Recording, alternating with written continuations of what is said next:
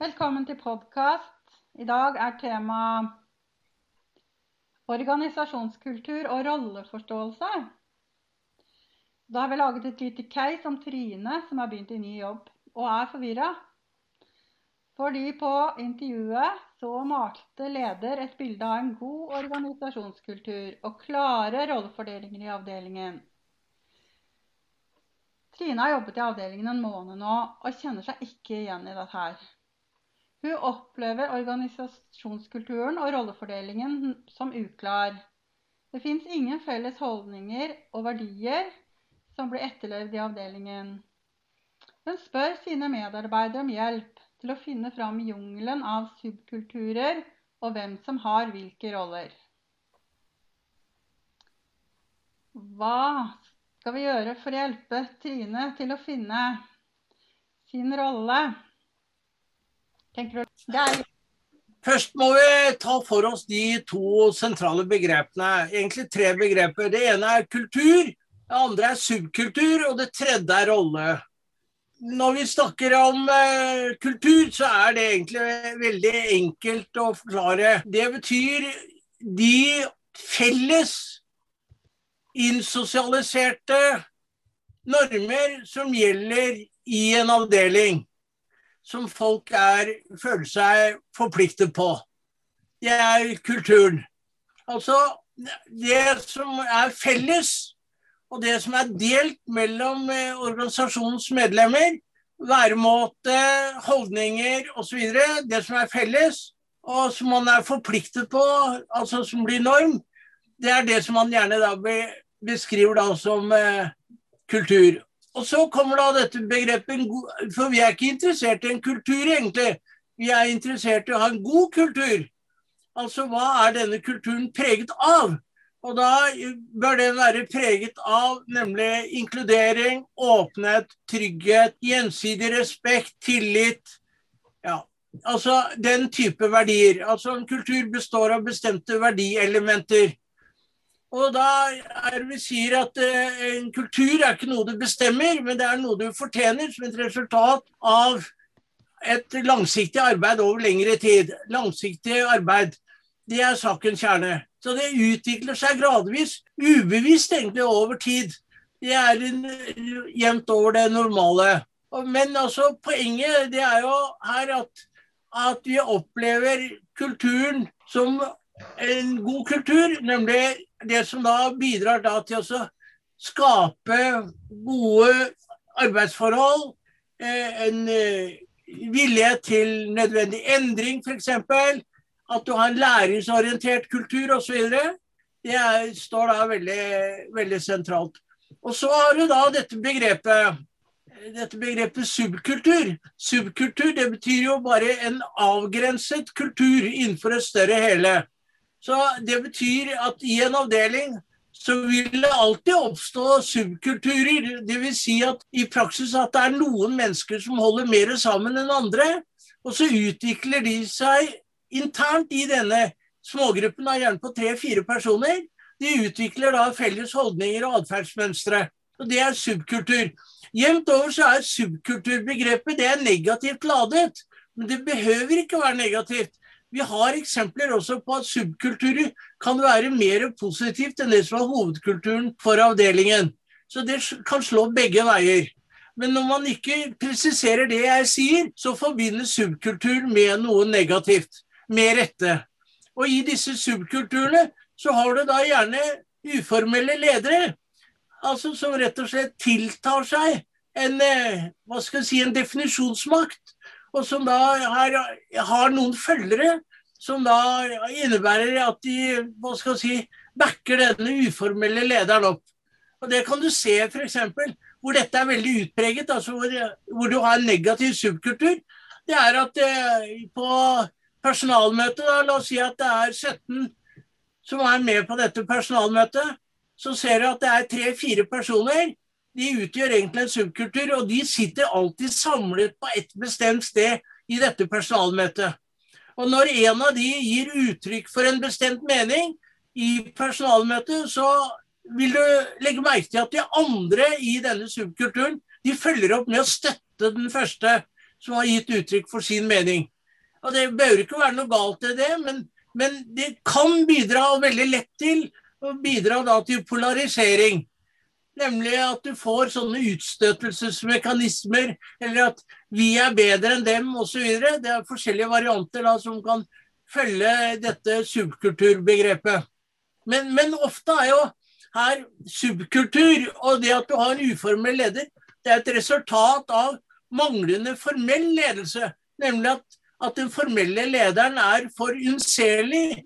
De er for tilbaketrukket og for mye hva skal vi si, tilbakelent og ikke synlig og tydelig. Da vil det være et maktvakuum. Og så vil da uformelle ledere, sterke enkeltpersoner, de vil på, på sett og vis da erobre dette vakuumet. Og på, på, den måten da være hva skal vi si, toneangivende. Ikke bare i den lille subkulturgruppen sin, men også for hele avdelingen. Fordi de, de, har egne sånne forskningsmetoder hvor du kan observere hvordan blikkene til folk hvordan de festes da på enkeltpersoner som oppleves da som mer betydningsfulle enn andre. Så det er veldig spennende forskning rundt dette her. Så det er liksom de to begrepene, da, kultur og subkultur. Og så sier jeg det viktige er at du har en god, god kultur og en god subkultur. Og så er, har du da dette begrepet da med roller. Og Det er også et begrep som er viktig å være tydelig på. For roller du kan bruke er et norsk ord da, som går på forventninger. Hvilke forventninger er det jeg har da, til den som er leder? Er rolleforventninger til det å være leder? Og Da vil alltid en leder ha en forventning til seg selv om det å være leder, og så vil medarbeiderne ha en forventning da til lederen om hvordan da medarbeideren da forventer at lederen skal være. Altså i holdning og atferd. Og Hvis det er eh, diskrepans, altså forskjell på dette, så bør man sette seg ned og ha det man kaller forventningssamtale. Nemlig at man da klarerer med hverandre og, og rydder opp i dette. her, Hvis dette virker da hemmende på utfoldelsen i avdelingen. Så det rollebegrepet er kjempeviktig. Og atter en gang, før det blir konflikter, så bør man da selvfølgelig sette seg ned da og foreta denne rolleavklaringen da. Og tydeliggjøre, forstå den andre og da kommer det kanskje frem momenter da, som eh, ikke har vært eh, uttrykt tidligere osv. Og, så og på den måten da virker dette her veldig ryddig. Og så har det en veldig viktig symboleffekt, dette med forventningssamtalen. Nemlig det skjulte budskapet, Siv. Det er jo det at uh, jeg tar deg på alvor.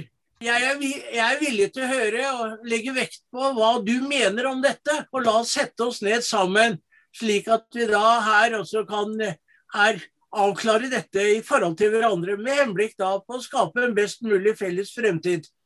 Det er litt sånn på begrepsapparatet. Og her sånn også litt til eksamen, da. For vi har jo hatt noen studenter opp til eksamen. Jeg vil jo si den virkelig gode besvarelse. Den starter med en refleksjon rundt disse begrepene, istedenfor å bare gå rett på løsninger på hvordan da Trine hvordan hun opplever og hvordan lederen er osv men at man har liksom litt sånn tydeliggjøring på begrepsapparatet. Ikke nødvendigvis formelle definisjoner, gjerne det også hvis du har det, men at uh, studenten da har tenkt igjennom da hva du forstår med begrepene. Så det er veldig smart da for en god besvarelse for en student. da, Gjerne i en innledning, da, selv om det ikke er spurt om det. Og tydeliggjøre da ved hjelp av en eller to setninger, da, og gjerne med et eksempel da, hva du forstår da med sånne sentrale begreper som er med i dette caset. Ja, det var en god gjennomgang av disse her begrepene, ja. Og hva vi bør gjøre. Har du noen tenker, tanker om det, Siv? Ja, absolutt. Altså, jeg, jeg, tenker det er veldig fint å ha de begrepene eh, litt kjøtt på beina i forhold til de. Og så tenker jeg at eh, i den casen som beskrives her, så Trine hun kommer inn med nye øyne på en arbeidsplass. Eh, hun er i ny jobb, og hun er forvirra fordi at det som lederen har malt et bilde av, det er ikke det hun opplever. Så jeg tenker at hennes observasjon er kjempeviktig tilbakemelding til lederen. Og da tenker jeg det med bakgrunn i at en, en god kultur kan ikke vedtas. Eh, en, en, kultur er ikke statisk, den er dynamisk og endrer seg. Med, det er folka som skaper kulturen. Det, kulturen det handler jo om at vi skaper noe i fellesskap. Altså hva er viktig for oss? Det er hva, hvordan, hvordan, gjør vi det her? Hvordan vil vi ha det her hos oss? Og der har lederen sagt at uh, det er en god organisasjonskultur og det er klare rollefordeling, men det opplever ikke Trine. Og hvis vi kan tenke oss lederen som en kulturarkitekt, altså en som um, skal um, dele gode fellesskapsformer bredt, fra ledelse til medarbeidere i forhold til hvordan ønsker vi å ha det her hos oss? Det, hvordan skal vi forme det her hos oss? Altså, som en arkitekt, hvordan skal vi forme, hvordan ønsker vi å se det, det ferdige bygget? Hvordan skal det være her hos oss? Jeg tenker at det er så viktig med lederforankring, og leder må støtte opp og må følge tiltak. Og må si ifra hvis fellesskapsformene avviker fra det vi ønsker oss, altså de målene vi ønsker å nå. Så jeg tenker at den tilbakemeldingen som Trine har her, med sine nye øyne til denne lederen, er et signal på at her må vi, her må vi ta en liten realitetsorientering og se om det faktisk er sånn som vi ønsker oss. Ja, Det er jo helt tydelig at, at leder sjøl mener jo helt ærlig og oppriktig at det er en god organisasjonskultur mm. på stedet. Mm. Og det er jo sikkert eh, fordi lederen har vært der lenge, og sånn som vi snakka om i en annen episode òg. Dette her med at ja, her har vi gjort det sånn alltid, og sånn skal vi ha det videre. Og at de ikke, ikke har selvinnsikt nok til å se eh, med, med, Trine sine øyne at det her er det noe som ikke stemmer. Mm. Men så tenker jeg, Hun sier jo da veldig konkret at hun, hun opplever organisasjonskulturen og rollefordelingen som uklar. Og da tenker jeg at i forhold til det, så er det jo viktig dette med forventningsavklaring som ble nevnt. ikke sant? Kanskje kommer hun Mest sannsynlig så kommer hun fra en helt annen kultur, da. Det sier jo noe om det. Og det, det å, endre kultur, eh, det kan være forvirrende i seg selv. For det å bli kjent i en kultur tar tid. Altså hvordan gjøres ting her? Eh, jeg kan bare Et eksempel på det kan være at eh, jeg har jobbet på et sted som kontorfaglig hvor, eh, uten pasientkontakt, hvor jeg eh, kunne gå i vanlige sivile klær, men hvor man ønsket å bruke en hvit frakk, en labfrakk over, for å indikere at man var ansatt på sykehuset, fordi man ofte beveget seg på store deler av sykehuset. Sånn at pasienter og kollegaer skulle forstå at du er ansatt her, jeg kan stoppe deg og spørre deg om hva som helst. Eh, så kommer du kanskje til en annen kultur, og så drar du med deg kulturen fra det forrige stedet ditt. da. Og så tenker du at ja, ja, så går jeg i sivile klær, og så tar jeg på meg labfrakken, og så får du kanskje en kommentar fra en kollega om at jaså, er du lege i dag, du? For der er det kun legene som skal bruke legefrakk, og så er det litt negativt, for da tror du at du er noe annet enn det du egentlig er. Og så blir du forvirra, for du forstår det ikke. Du tenker at nei, men nei, jeg tror ikke at jeg er noe annet enn det jeg er. Så har du tatt med deg din kultur fra det andre stedet, som da ble oppfatta helt feil på det nye stedet. Så det kan hende at Trine er forvirra fordi at eh, hun har med seg sin kultur fra forrige arbeidssted. Men når mm. det er sagt, så tenker jeg at eh, det som i hvert fall er viktig her, er å ta med seg hennes observasjoner til det og prøve å finne ut av hva som ligger bak. Og så er det jo kjempeviktig, det er ubehagelig å oppleve noe som uklart. Så jeg tenker at det å klargjøre, eller forventningsavklaringen, og trygge henne i hvilken rolle hun har der hun kommer, og for lederen å Um, se om det er noen navigeringer som skal gjøres i forhold til den ønskede kulturen. Det er det i hvert fall rom for her. Jeg vil, jeg vil gjerne følge opp det som Siv sier her. da. Det som er det positive her, det er at du får frisk kvinnfolk inn i avdelingen da, som har litt andre briller på nesa. Det er jo kjempesunt for avdelingen. Jeg, jeg, vil ikke uten videre si at dette nødvendigvis innebærer at du har en konflikt. For Det er veldig mange som er veldig kjappe med å definere ting da, som konflikt fordi at det er en meningsforskjell. Men, men det, det, avgjørende momentet det er jo hvordan lederen følger opp Trine. Og det, Der har du det sentrale momentet.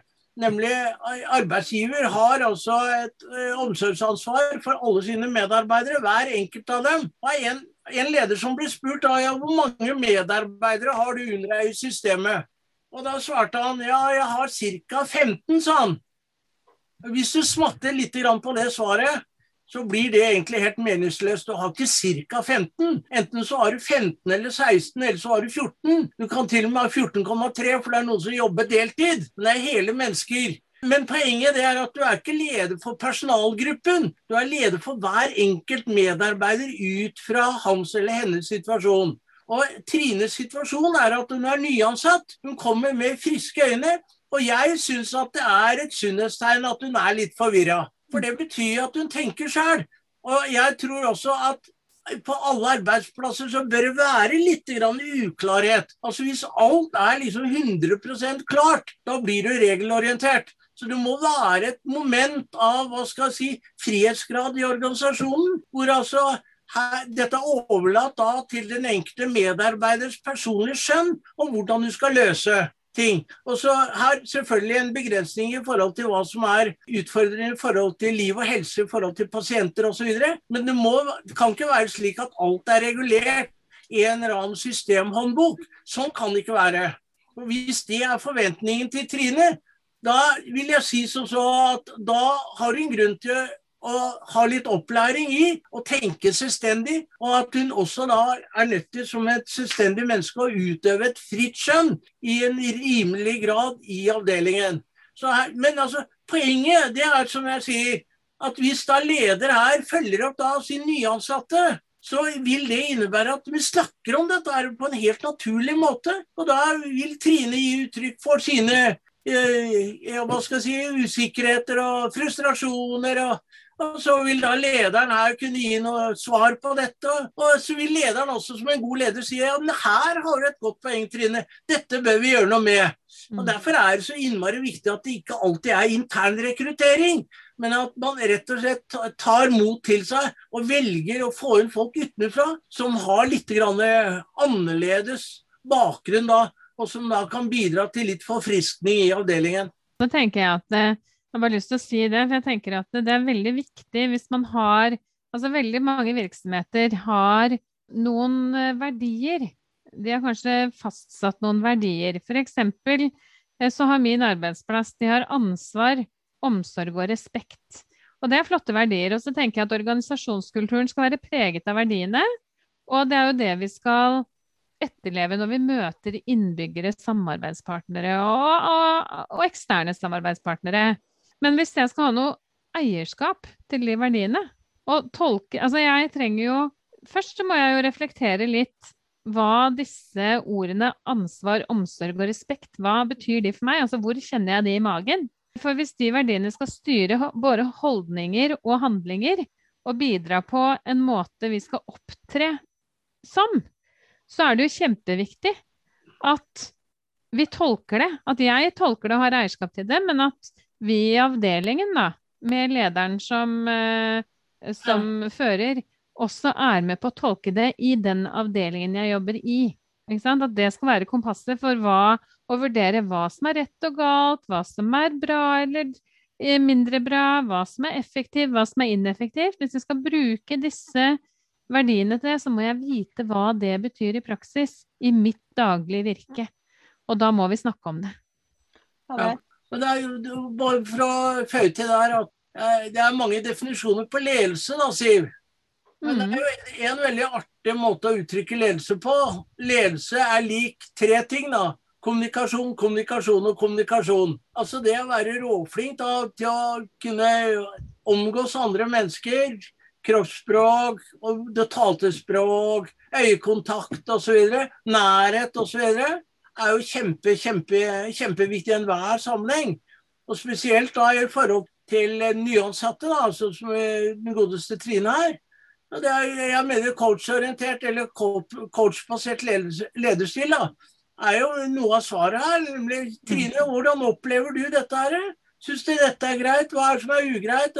Hva syns du vi bør gjøre? Og så videre. Ha en åpen dialog på det. ikke sant? En kontinuerlig dialog hele veien så, så, vil jo de fleste ting ikke sant, løse seg under marsjen. da, Og så vil man i fellesskap da oppleve at uh, vi får en identitet. ikke sant? Lojalitet og identitet. ikke sant, det er det. Identiteten kommer først, og så kommer lojaliteten etterpå jevnt over. da. Så det er jo, Men jeg vil si at jeg har også opplevd det at det kommer inn et menneske utenfra som er veldig meningssterk, og som liksom skal bidra til å endre avdelingen opp ned. Da. Gjerne den første uken. ikke sant? Vedkommende er på jobben. Ja, sånn gjorde ikke der hvor vi var. Nei, det gjorde vi helt annerledes. Det blir også veldig slitsomt. Det blir veldig sånn anmasende, og det er sånn besserwisser-tenking. Så jeg tror det ligger også en forventning i den nyansattes rolle, da. Å være litt beskjeden og litt tilbaketrukket. Og være villig til å også praktisere aktiv lytting før du blir så veldig meningssterk om ting som er på avdelingen, da. Så, men ikke sant, Altså Hvis du ikke sier noen ting, da, det har gått et halvt år, prøvetid er omme og alt det der, og du ikke har gitt et kny, ikke sant, ikke så mye som et gjesp, ikke sant, har kommet fra deg, da har du absolutt forsømt deg da i henhold til selvledelsesprinsippet. Så det er å finne disse balansene igjen. Og, det, og disse balansene, Marit, det får du aldri lært på BE eller andre steder. da. Det er jo et menneskelig skjønn du utøver, situasjonsbestemt der og da. Jeg kan ta et eksempel på situasjonsbestemt forhold. Det er nemlig Tenk deg nå her at en av dine nære medarbeidere har opplevd et tragisk dødsfall i familien.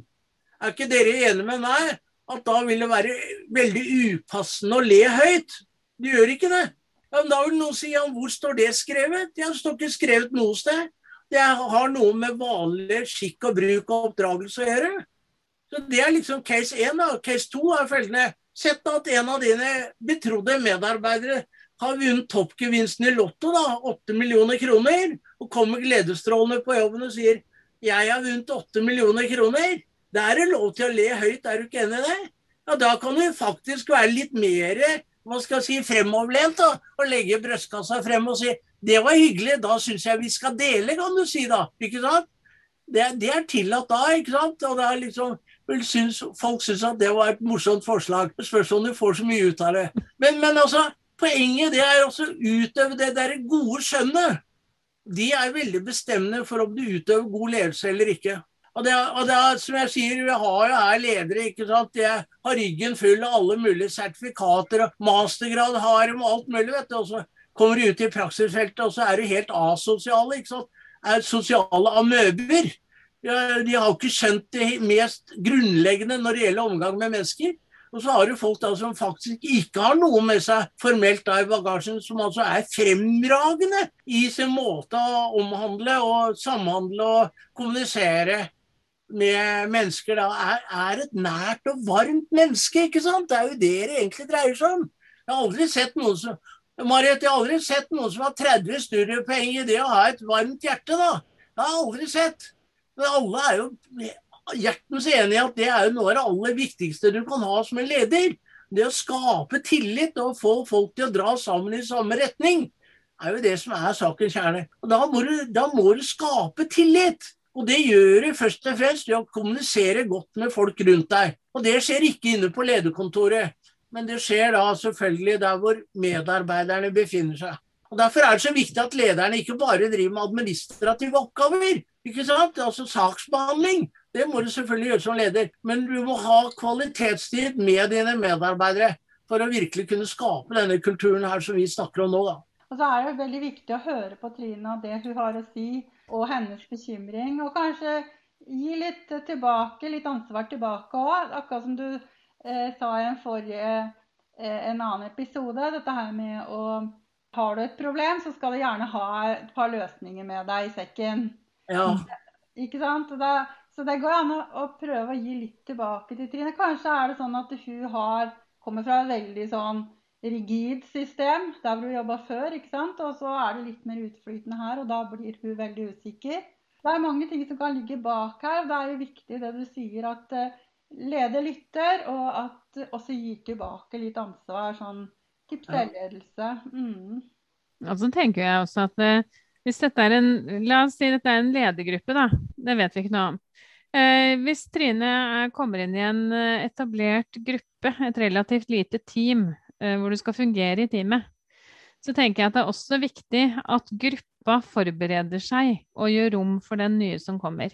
Ja. Fordi at man har skapt seg noen roller i et samarbeid, og det er ikke bare den nye som er ny hele dynamikken endrer seg, og det tenker jeg er viktig å være bevisst på.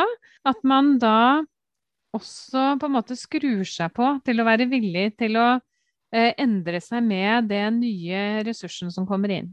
Og på den måten så vris, altså, på den, på den måten så vris rollene litt automatisk også. blir det en ny gruppe. Ikke noe, ikke noe dårligere eller bedre nødvendigvis enn det som var, men eh, annerledes.